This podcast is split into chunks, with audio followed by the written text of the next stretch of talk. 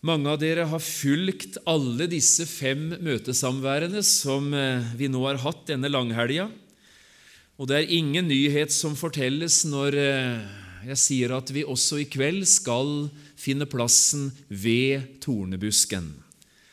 For det er en femte historie fra Bibelen knyttet til tornebusken, og et femte spørsmål vi skal stille. Vi har vært ved den brennende tornebusken på Horebfjellet, der Moses møtte Herren. Hvem er Gud? Vi har stått foran den tornekronte kongen og talt med hverandre om hvorfor døde Jesus.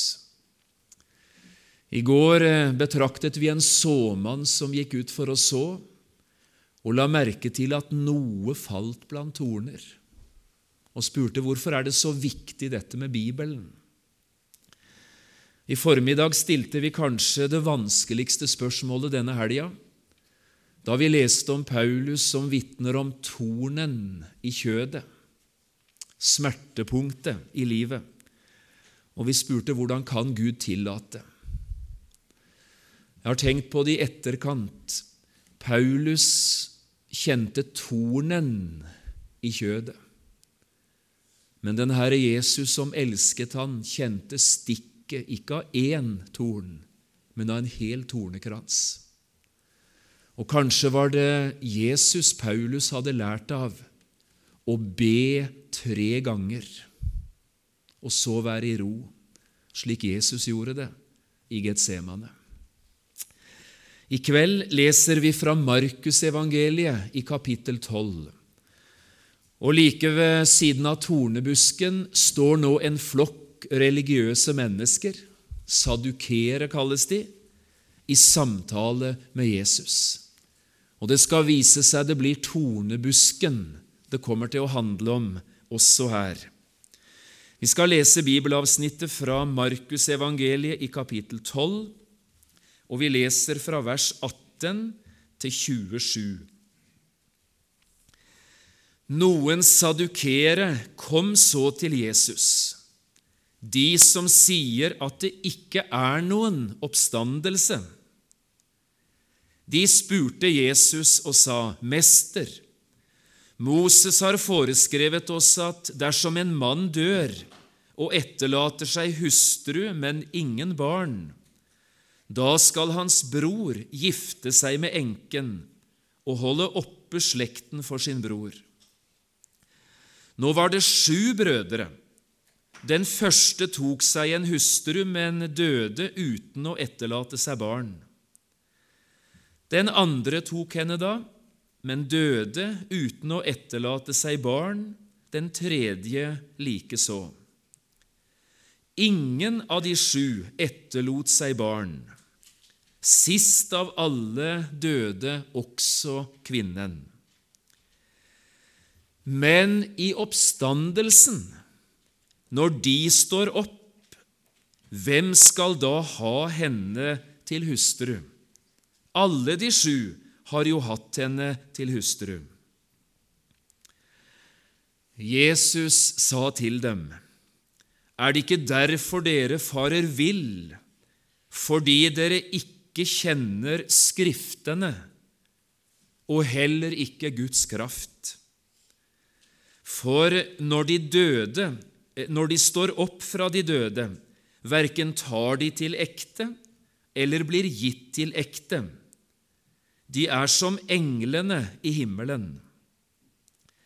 Men når det gjelder de døde, at de står opp, har dere ikke lest i Moseboken, i fortellingen om tornebusken, at Gud talte til ham og sa, Jeg er Abrahams Gud og Isaks Gud og Jakobs Gud.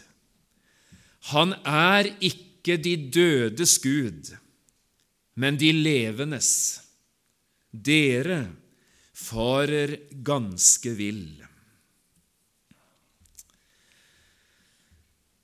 Den 18. juni i året 1815 skulle bli en merkedag i Europas historie.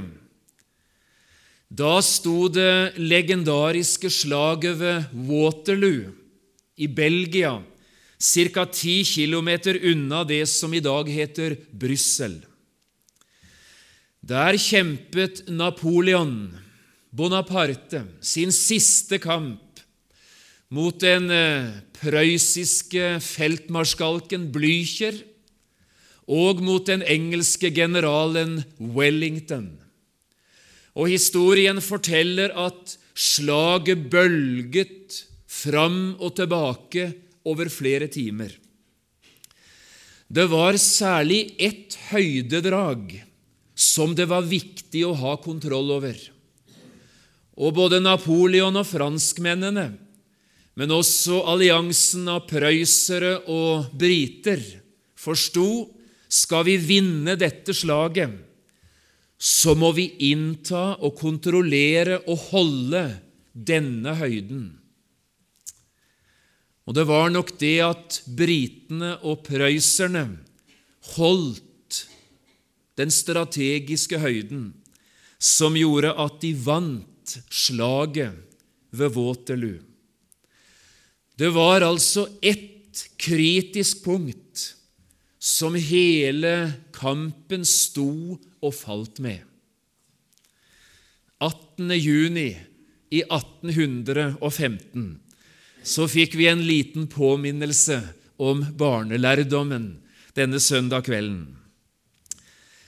Også i den kristne tro finnes det slikt høydepunkt, et sånt kritisk punkt hvor det står eller faller med det vi tror på, vi lever på og dør på som kristne mennesker i denne verden. Holder dette ene punktet, ja, så holder det for oss. Men skulle dette ene punktet svikte, ja, så rakner det alt det vi tror på, alt det vi lever for, og alt det vi vil dø på. Og det kritiske punktet heter oppstandelsen. Dersom Kristus ikke var oppstått, ja, hva så? I 1. Korinterbrev 15 gjør Paulus den tanken Hva sier han, gode korintere? Hva om budskapet vårt om Jesu Kristi oppstandelse fra de døde? Hva om budskapet om den tomme grav skulle vise seg ikke å holde? Hva var da vår situasjon? Og så er det som en, en dominoeffekt i det Paulus skriver. Da er vår forkynnelse intet. Da er vi ikke verdt å høre på, vi som taler om Jesus til menneskene. Da er den tro vi har, altså det grunnlaget for vår tro, det budskapet vi tror på, det vi står på, det vi vil leve på og dø på, det er ingenting, sier han. Da er vi forkynnere tre falske vitner om Gud. Ikke er vi av sannheten, og ikke taler vi av sannheten. Da har vi en unyttig tro. Fire. Da hjelper det ikke å si at jeg tror på Jesus. Jeg har tatt min tilflukt av Han, og troen og Herrens nåde, det, det er mitt håp. Da rakner det alltid sammen. Troen holder ikke. Da er dere ennå i deres synder. Da har vi ingen løsning lenger på syndenøden. Da har vi ingen bro over den store avgrunnen tilbake til Gud. Da er det ikke sant at vi har et navn som er skrevet i himmelen. Vi er ennå i våre synder. Da er sex alle de menneskene fortapt som døde i troen på Jesus. Altså hvis oppstandelsen ikke holder, da hjelper det ikke hva som står på gravsteiner, eller hva som synges i gravferd. Jesus lever, graven brast. Deg være ære, Herre over dødens makt. Hvis altså Kristus ikke er oppstått fra de døde, da er vi de ynkverdigste av alle mennesker. Sånn tenker Paulus. Hvis de ikke holder det store, kritiske punktet, da rakner det alt det som bedehuset her i Veavågen ble bygd i tillit til. Men, sier Paulus, men nå er Kristus oppstått. Nå er han oppstått. Graven er tom. Vitnene så han. Å være en kristen er ikke å minnes en død religionsstifter eller reise av gårde til et gravminne. Det er å ha med en levende frelser å gjøre, som har sagt han vil gå med oss alle dager inn til verdens ende. Jesus lever, graven brast, han sto opp med guddomsveldet. Trøsten står som klippen fast, at hans død og blod skal gjelde. Din seier blir ikke noe annet enn Jesus seier. Hans seier er vår seier. Oppstandelsen er det kritiske punktet. Og når vi nå leste det vi gjorde her, nemlig om møtet mellom sadukere og han som var på vei mot kors og død og grav, så er det oppstandelsen det handler om. Og Spørsmålet skal være et like aktuelt spørsmål som de andre fire vi har stilt. Finnes det virkelig et liv etter døden? Finnes det virkelig et liv etter døden? Det ene jeg har lyst til å si nå, det er, og det er det første, oppstandelsen. Det er noe som religiøsiteten, alle former for religiøsitet, sliter med og strever med og aldri kommer helt til rette med. Disse menneskene Jesus møter denne dagen, er jo religiøse mennesker. Det var mange religiøse grupperinger på Jesu tid. De best kjente det var fariseerne, selvfølgelig. Det var mennesker som hadde full jobb. Eh, deres tanke var at et menneske har godt av å jobbe, 40 timer sykehjerne, og så vil vi leve med Gud og dyrke Gud og følge Hans ord både på jobben og når vi er fri. Det er fariseerne. Sadukeerne, det var fagteologer ofte, mennesker som levde av sin tro og sin lære. De var kjennetegnet av liberal livsførsel, og så hadde de ingen syn for at det fantes noe liv etter døden. Det fantes esseere, det fantes seloter, det fantes herodianere. Det var et, et mylder av religiøse mennesker på Jesu tid. Og det har ikke forandra seg. Religiøse mennesker. Da Paulus kom til Aten første gang, så sa han noe som han kunne ha sagt om han kom til Norge i 2008. Jeg ser at dere på alle måter er meget religiøse. Vår tid er mer religiøs enn den kanskje har vært på mange generasjoner.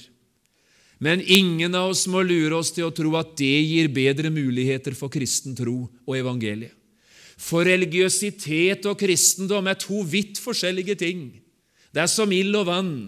Det er som mørke og lys. Religiøsitet er å bygge sin tro på sine egne krefter og forutsetninger. En skal gjøre det en kan, og så tenker en at Gud skjøter på med litt tilgivelse og nåde når det gjelder det vi ikke kan. Men det er å klatre opp i stige.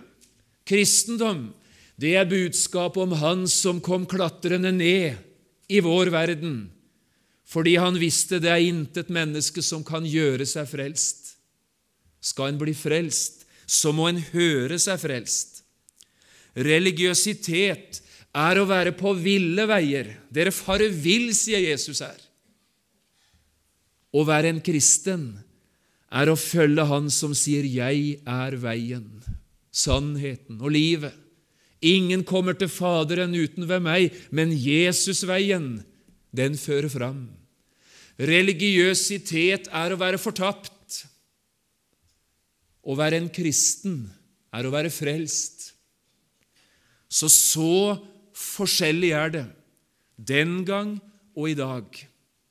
Det kan nok være at religiøsitet kan være en viss sånn tilknytning, det kan gi noen kontaktpunkt. Men vi må aldri tro at et djupt religiøst menneske har lettere for å bli frelst enn en som ikke bryr seg. Religiøsiteten har bortforklart dette med oppstandelsen på flere forskjellige måter. Og Nå er dette her også lite grann å lære av. Det skal ikke bare være for følelsen, det du får denne kvelden, og ikke bare for hjertet, men også litt for tanken. Hør nå. Det har vært valgt tre forskjellige utveier eller avveier når det gjelder å bortforklare dette med livet etter døden, oppstandelsen, evighetsdimensjonen. Og Nå vil jeg prøve å avkle de tre måtene, iallfall nevne de, og gi en liten kommentar på de. Den ene måten som vi nesten kan bli forskrekka over hvor oppegående er, og hvor mange som tror på langt inn i evangeliske kretser i Norge, det er en gammel variant som på fint heter apokatastasis. Det kan du bare glemme. Men, men det betyr alle mennesker blir frelst til slutt. Det kommer til å gå bra for alle. Du, du, kan jo ikke tenke det, sier den form for religiøsitet, at en god og stor og mektig og kjærlig Gud kunne finne på å lage et mørkt utenfor, og så registrere at en stor del av alle de menneskene han har skapt, skal havne i et slikt evig mørke utenfor. Gud er ikke sånn, sier de. Vel er det sånn at vi lever på forskjellig måte i verden, og at vi tror litt forskjellig, og noen ber og andre banner, men Gud skal sørge for at alle blir frelst til slutt. Utgangspunktet er Efeserbrevet 1.10 av alle steder, hvor det står at Gud skal samle alt til ett i Kristus. Et misbruk av et bibelord som savner sidestykket. Da har jeg lyst til å spørre tror du på det? At alle mennesker blir frelst til slutt? Går du til veis ende på den læra, og det er det noen som gjør, så sier de til og med Satan blir frelst til slutt, sier de. Taler Bibelen sånn? Hvis alle mennesker hadde blitt frelst til slutt, hva er det vi driver med i et kristent misjonsarbeid? Hva er det vi holder på med? Da hadde det jo vært helt andre ting vi kunne ha brukt kreftene på, enn noe som Gud skal ordne likevel til sjuende og sist uten vår hjelp. Men eh, alle mennesker blir ikke frelst til slutt. Det var en rik mann som levde i fest og glede og prakt og herlighet og velstand og medgang og gode dager uten å ense en fattig stakkar som lå ved hans dør. Det var godt han fikk litt glede i livet, for det var ikke mye glede i vente etter døden. Det var gråt, og det var utenfor. Mens en stakkar som bar navnet Lasarus, Gud er min hjelp, nok fikk tårene og sulten her men ble båret inn i et evig innenfor, for Gud var hans hjelp og hans frelser. Alle blir ikke frelst til slutt. Den andre varianten heter for annihilisme, og det betyr enten så blir du frelst og får del i det evige liv, eller så er alle ting slutt. Det er ikke noe etterpå. Det er sånn som adventistsamfunnet lærer. Det er sånn som den bevegelsen lærer som sprang ut fra adventistsamfunnet, nemlig Jehovas vitner, og en del andre varianter. Enten så blir du evig frelst, eller så er det slutt på alt. Bibelen taler ikke sånn. Det er et evig innenfor og et evig utenfor. Religiøsiteten liker ikke det, men Bibelen taler sånn. Den tredje varianten er den vanligste. Den heter fortielsen. Vi snakker ikke om det lenger. Vi lar være å prate om det. Vi får være opptatt som kjerke og som ledere med å snakke om miljø og ressurser og, og, og alle disse store utfordringene som vi har i klima og alt dette her, for det hører jo denne verden til. Og Det er utrolig åssen det er blitt i Norge nå for tida. Registrerer du det? I dag vil politikere bestemme i kjerka, mens kirkelederne vil drive politikk. Akkurat motsatt av det som skulle være tanken. Det er fantastisk, syns jeg, at ledere i den kjerka jeg fremdeles står i, er tydeligere på klimaspørsmål enn at det er noe som heter det er faktisk mulig å gå fortapt hvis du ikke tror på Jesus. Fortielsen. I 1963 marsjerte dr. Martin Luther King jr. i fronten for den største borgerrettighetsmarkeringen som verden har sett. Den endte opp ved Lincoln Memorial i Kapitolbygningen i Washington DC, og Der holdt han sin legendariske tale på 16 minutter. I have a dream. Drømmen var et annerledes Amerika enn det Amerika som var i 63. Og for den aktiviteten fikk dr. Martin Luther King jr. Nobels fredspris året etter. Og nå skal du høre. Da han sto i universitetets aula i starten av desember 1964 så sier den fargede baptistpastoren følgende Det finnes sannheter der fortielse er verre enn forræderi. Tenk det, sa han. Det finnes saker, sannheter, der fortielse er verre enn forræderi. I store deler av Kristen-Norge er fortapelsen avlyst. Det er ingen som snakker om det lenger. Det var liksom besteforeldregenerasjonen vår som trodde på det. I dag vet vi bedre. Kjære tilhører. Det finnes et liv etter døden, og det finnes en død etter døden.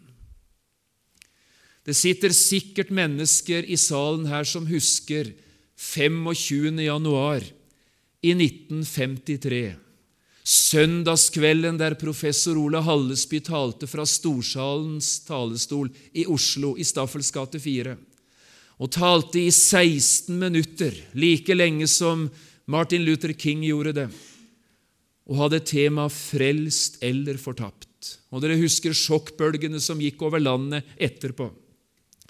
For tre-fire år siden var jeg i Vennesla på et bibelkurs. Jeg var egentlig på Mossby, men en formiddag var jeg oppe i Vennesla på et stort formiddagstreff for litt eldre folk enn meg. Jeg passer forresten snart veldig godt inn i, i den type samlinger. Det var akkurat 25. januar jeg var der, så jeg nevnte i noen setninger akkurat dette som var skjedd i Oslo. Så var vi ferdige etter nesten to timer, og så reiser en mann seg nede i salen. Og så sier han det er én ting jeg har lyst til å si, sier han, før vi går fra hverandre. Jeg var ansatt, sier han, i Indremisjonsselskapet i 1953. Og jeg var til stede i Storsalen under arbeidermøtet i desember det året. Og jeg skal aldri glemme den kvelden da den rakryggede, aldrende professoren gikk fram foran en stor forsamling av forkynnere. Og så delte han med oss noen erfaringer fra det vanskeligste året han hadde opplevd i hele sitt liv. Men så sier denne flotte sørlendingen, men, sier han, dere skulle ha sett den gamle professoren da han slo ut med armene og sa, men mine venner, i det året som ligger bak, har jeg fått mer enn tusen brev. Mer enn tusen brev skrevet fra kvinner og menn omkring i hele vårt langstrakte land, som etter den søndag kveld måtte gjøre opp sin sak med Gud og er blitt frelst. Mer enn tusen brev. Jeg tror vi trenger en og annen vekkerøst i ei overreligiøs tid som evner å tale sannheten om livets to utganger, med såpass mye tårer i øynene og såpass mye varme i hjertet og såpass lite knyttnever og pekefingre at det kanskje kunne vekke og smelte den norske folkesjela enda en gang. Det finnes et liv etter livet, og det finnes en død etter døden. Han som en dag lot seg spikre fast til tre, han som en dag kjente smerten av tornene stikk nedover panne og hode, han var igjennom denne lange fredagen det du og jeg ellers ville ha smakt i en evighet. Han tok det for oss, for at vi skulle få slippe. Forbannelsen traff han for at velsignelsen skulle nå slike som deg og meg. I et fengsel i Roma sitter en Guds ords forkynner og skriver et brev. Det er til gode kristne venner i Filippi han skriver. Og mens han setter ord sammen til setninger, så er det som gråten tar han. Det er noe han skriver om. Mange vandrer, som jeg ofte har sagt dere, og nå sier med tårer de er fiender av Kristi kors. Tenk det, sier han. De er fiender av Kristi kors. De sier nei takk. De snur ryggen til. De er med og roper bort med han. Og så skriver han deres ende er fortapelse, sier han. Kan vi forstå han gråter? Han kunne gjerne ha grått selvmedlidenhetens tårer. Stakkars meg, som snart har sittet to år i Romas fengsel, enda det er Jesus som har kalt meg til å forkynne. Hvordan kan Gud tillate? Men det er ikke det han gråter for. Det er når han ser ut ei fengselsglugge på tankeløse hverdagsmennesker som ikke vet bedre, for det er ingen som har fortalt dem det. De er fiender av Kristi kors, og uten de vet det, ender de i fortapelsen. Trengs det å forkynnes evangeliet? Jeg skulle mene det gjør. Men dette er skyggesiden av oppstandelsens eller evighetssiden. Det er også en solside. Og den har jeg lyst til å, å, å, å si litt om nå i siste biten av eh, det jeg bærer fram denne kvelden, her sammen med Jesus og religiøse mennesker og temaet oppstandelsen. Hvis det nå er en oppstandelse, hvis Bibelen nå har rett, hvis det er sant det Jesus formidlet, og rett det Paulus skriver, hva skal vi tenke om det som venter oss på den andre siden av graven, om ikke Jesus kommer og henter oss før? Hva er i sum Bibelens ord om livet etter livet, livet etter døden? Hva er det som er lagt til rette for oss på den andre sida? Noen ord og noen få minutter også om det. Og Nå skal du følge nøye med, for dette er på solsiden av oppstandelsesbudskapet. For det første Bibelen taler ikke om én men om to oppstandelser. Å, men det er viktig å ha klart for seg. Bibelen taler ikke om én, men om to oppstandelser. Og hør nå mellom disse to oppstandelsene ligger en periode på minst 1000 år. Sånn taler Bibelen. Bibelen taler altså annerledes enn dette at alle mennesker skal stå opp på én og samme dag ved verdens eller tidenes ende. Bibelen taler annerledes. Det er to oppstandelser, og mellom de to en periode på minst 1000 år. Syns du det var merkelig? Ja, det tror jeg Jesus forstår at vi syns. Og Derfor så sier han, ifølge Johannes 5 Hør på dette.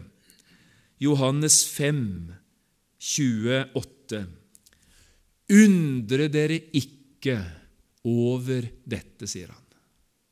Undre dere ikke over dette. For den time kommer da alle de som er i gravene, skal høre hans røst. Den time kommer. Og de skal komme ut, de som har gjort det gode, til livets oppstandelse, men de som har gjort det onde, til dommens oppstandelse. Vi skulle kanskje ha ventet at det siste ble kalt for dødens oppstandelse, siden det første var livets. Men Jesus sier livets oppstandelse og dommens oppstandelse. Det er altså noen som skal oppstå til liv, mens det er andre som skal oppstå til dom. Og det er to ting så forskjellig fra hverandre at det er som lys er forskjellig fra mørket. Visste du det? Det er to oppstandelser, ikke bare én. Undre deg ikke over det. Og Det kapitlet som kanskje forklarer det best for oss, det er det 20. kapitlet i Johannes' åpenbaring, der vi får høre om begge deler. Nå skal jeg lese for deg om livets oppstandelse og skal prøve å forklare det så det går inn nå i slutten av prekenen. I Johannes 24 så får Johannes et syn, og så skriver han i åpenbaringen Jeg så troner, og de satte seg på dem, og det ble gitt dem makt til å holde dom. Og jeg så deres sjeler som var blitt halshogd for Jesu vitnesbyrds skyld og for Guds ords skyld, og de som ikke hadde tilbedt dyr eller dets bilde, og som ikke hadde tatt merke på sin panne eller hånd, de ble levende og hersket sammen med Kristus i tusen år. Men de andre døde ble ikke levende før de tusen år var gått, står det. Hørte du det? Det var noen som sto opp før et rike på tusen år, men de andre døde sto ikke opp før etter. Og så forklarer Johannes dette, altså disse som står opp til liv før rikets tid. Dette er den første oppstandelse. Salig og hellig er den som har del i den første oppstandelse. Over dem har den annen død ingen makt. De skal være Guds og Kristi prester og regjere med ham i tusen år. Her er en oppstandelse til liv. Og hør, det er det første vi skal vente på. Oppstandelsens morgen, når Jesus kommer. Imot slutten av kapittelet er bildet helt annerledes, i vers 11. Jeg så en stor, hvit trone, og ham som satt på den, for hans åsyn vek jorden og himmelen bort, og det ble ikke funnet sted for dem. Og jeg så de døde, små og store, stå for Gud, og bøker ble åpnet, og en annen bok ble åpnet, som er livets bok. Og hør nå Og de døde ble dømt etter det som var skrevet i bøkene, etter sine gjerninger, står det. Tenk om det var det vi hadde i vente. At vi en dag skulle fram for skranken for den levende Gud som hadde alt vårt liv opptegnet i sine bøker. Og så skulle vi få den fortjente behandling etter våre gjerninger, etter det som sto i, i bøkene. Hva ville du ha tenkt om det? Hva håp om himmelen ville du da hatt, om du skulle bli dømt og vurdert etter dine gjerninger? Og så kommer det om havet og døden og dødsriket og alt dette der. Vi synger i en sang For din hvite trone står, syngende den store skare. Jeg er redd for det blir ingen sang ved den store, hvite trone. For de menneskene som blir dømt etter det som står i bøkene, etter sine gjerninger, de kommer aldri til å ville synge. Den eh, annen død, det er utgangen. Da Jesus kom, døde han for våre synder etter Skriftene. Etter tre dager sto han opp i samsvar med Skriftene. Så var frelsesbroen bygget og frelsesveien lagt. Og det Jesus gjorde, det gjorde han fordi han ville ha oss med i den første oppstandelse, så vi skulle bli berget fra den katastrofen og måtte stå for Gud med ene ansvar for vårt eget liv, uten en frelser, uten en talsmann, uten en tilgiver og et hjerte som banker. Det brukes et bilde i Bibelen for å forklare oss dette, og det syns jeg plasserer det så nydelig for oss. Det brukes et bilde for riktig å plassere oppstandelsens budskap. Og Det er bildet fra den jødiske innhøstningen. Det er gjerne kjent for mange, men jeg syns det er fint å nevne det nå i, i avslutningsdelen.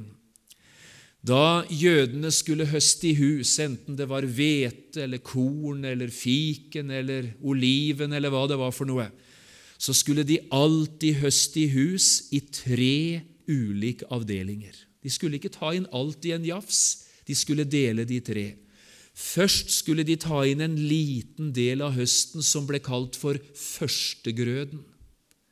Og denne første forsvinnende lille delen av høsten den skulle alltid bæres fram for Herrens ansikt, i takknemlighet til Han som enda en gang hadde gitt mulighet for høst, førstegrøden.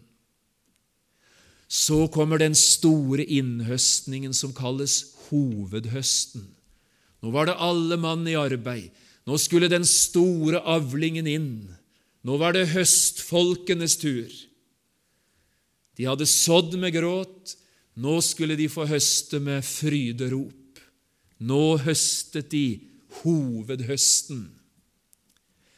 Men eh, det var en begrensning. Det skulle alltid stå igjen litt på jordene ute ved kanten. Og det skulle stå igjen for de fattiges skyld, de som ingen jorder hadde, og ingen vintrær og ingen oliventrær. Det skulle alltid være litt igjen til de fattigste fattige. Husker du Ruths bok, der hun var ute og høstet inn det som Boas sine høstfolk hadde latt stå igjen? Etterhøsten kaltes det. Dette der tar Paulus fatt i når han skal forklare læren om den første oppstandelsen, eller vårt salige håp. Og så sier han oppstandelsen sier han, er alt i gang. Førstegrøden er alt i hus. Kristus er førstegrøden av de hensovede. Oppstandelsen er i gang. Og hvor er den levende Jesus i dag? Han er for Guds ansikt. Han er ved Faderens høyre hånd. Og der er han som et varsel. Det skal snart komme flere til himmelen og herligheten enn den ene. Snart skal de mange komme. Og det underlige er at førstegrøden var en kvalitetsgaranti. Som førstegrøden var i kvalitet, skulle hele hovedhøsten være. Du kan tro englene er spent. Hvem de er, og hvor de skal komme fra. Som skal være hovedhøsten inn i Guds helligdom, og som skal være lik Han, av samme kvalitet og renhet som han er, med et legeme som er likt hans. Du og jeg, vi vet hva denne hovedhøsten er. En dag lyder overengels røst og Guds basun. I Guds time så reiser han seg ved Faderens høyre hånd og stiger ned til lufthimmelen, den Herre Jesus. Og så vil det skje noen ting. De døde i Kristus, ikke de andre, men de døde i Kristus skal først oppstå. Og vi, den generasjon som, som enda lever når Jesus kommer for å hente sine, vi skal sammen med dem rykkes i skyer opp i luften og møte Herren. Og så skal vi alltid være med Herren. Vi skal være der Han er hovedhøsten. Og hør, det er ingen som har hatt så kort vei igjen til Jesu gjenkomst når han kommer for å hente sine, som vi har i kveld. Ingen. Ingen har vært så nær som det vi er. Men etter høsten, da? Det skal komme en tid i denne verden. Har det vært fattigslig og vanskelig og småttig å være en kristen før, så skal det bli enda verre da. Det skal komme en trengsel, i Bibelen som det aldri har vært maken til i denne verden, og aldri siden kommer til å bli. Ble ikke de dager forkortet, så ble intet kjød frelst. Den store, mørke, forferdelige trengselsnatten. Men også da skal Herren vite å finne noen, å vinne noen, også da skal det sankes inn noen. Også etterhøsten etter høsten må i hus. Der har du det. Førstegrøde, hovedhøst, etterhøst. Salig og hellig er den som har del i den første oppstandelsen. Her ved tornebusken står Jesus sammen med religiøsiteten, og så spør han, har dere ikke lest? Har dere ikke lest i fortellingen om tornebusken at Herren sier, 'Jeg er Abrahams Gud og Isaks Gud og Jakobs Gud', og det var mer enn 400 år siden disse gutta var døde. Gud kunne jo ha sagt 'Jeg var Abrahams Gud, og jeg var Isaks Gud, og jeg var Jakobs Gud', men han sier 'Jeg er'. Har dere ikke lest, spør Jesus.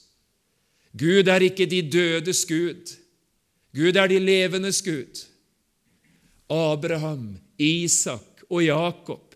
En dag skal vi møte dem ved det store bordet, i den store festen og den store sangen. Gud er de levendes Gud, ikke de dødes. Har dere ikke lest, spør Jesus, skriftlærde mennesker. Å, men er det noe vi har bruk for, så er det å lese. Derfor farer vi vill om vi ikke kjenner Skriftene og heller ikke Guds kraft. Far var født i ei lita fjellbygd oppe ved enden av Landstads kirkevei i Seljord kommune. Og Far gifta seg såpass seint at både bestemor og bestefar fra Åmotsdal de var begge døde før jeg så dagens lys. Så jeg har aldri sett bestemor og bestefar. Mor i Danmark var ikke så tidlig ute, hun heller, så også bestemor og bestefar i Danmark var reist før jeg kom. Det er ikke så ofte jeg er i Danmark og, og besøker stedet hvor de ligger gravlagt, men en gang imellom, men i Åmotsdal er jeg ofte. Og Når jeg er der, så går jeg ofte ned på gravplassen og står foran den gamle steinen, som nærmer seg 100 år gammel. Og så leser jeg med utydelig skrift. Det er værhardt oppi den der fjellbygda. Jeg leser en skjønn setning nederst. Vet du hva det står? Med møtast på oppstandelsens morgen, står det. Dersom jeg hører bestemor og bestefar, sier John, vi møttes aldri her, men me møtast i oppstandelsens morgen. For et håp! For et utrolig liv å få leve! Det tar ikke slutt ved en grav. Vi møtes i oppstandelsens morgen. Det er snart takk for samværet disse fire dagene, disse fem møtene. Kjære tilhører, det kommer aldri til å skje at akkurat vi møtes igjen. Det blir denne ene gangen. Og hvem av oss som har den korteste reisa igjen, det vet vi heller ikke, heldigvis. Og ingen må tro at det er den eldste i denne forsamlingen som trenger å være den som har kortest vei igjen. Kanskje er det en av oss, kanskje er det meg, som bare har et skritt eller tre igjen. Og så er det evigheten. Men hør, vi møtast. Me møtast på oppstandelsens morgen. Sørg nå bare for at det Jesus betalte for da han ga sitt liv, at du kvitterer det ut og sier, 'Takk, Jesus, at dette også var for meg'. I Indremisjonsselskapet hadde de en forkynner, og særlig sanger var han, som het Bertelsen. Var det noen av dere som hørte han? Han var en skikkelig humorist. Blant annet hadde han bodd et sted i et hus hvor eh, det hadde vært en liten gutt som hadde blitt så glad i Bertelsen og humøret hans. Og Så fikk denne vesle gutten høre at Bertelsen en dag han var død. Og Så ser han opp på mammaen sin og så sier han, Mamma sier nå får englene det moro. nå får englene det moro. Jeg kjenner en til jeg, som englene nok fikk det moro da kom. Han heter Leonard Gudmundsen. Nå skal vi synge en av hans sanger. og Det er det siste vi skal gjøre tilknyttet oppstandelsens budskap. Kongenes konge er nå min bror. Herrenes herre, min Gud. Han er flytta til herligheten allerede, og jeg tror englene fikk det moro da han kom. Og skal vi synge denne sangen, som synger både om gleden her og ikke minst om gleden der. La oss be. Jesus, når vi nå synger denne enkle, skjønne frelsesangen og himmelsangen, la det ta tak i hjertene våre, og la det blankpusse det viktigste av alt i livet. Jeg må ha min frelser med meg, vandre ene kan jeg ei.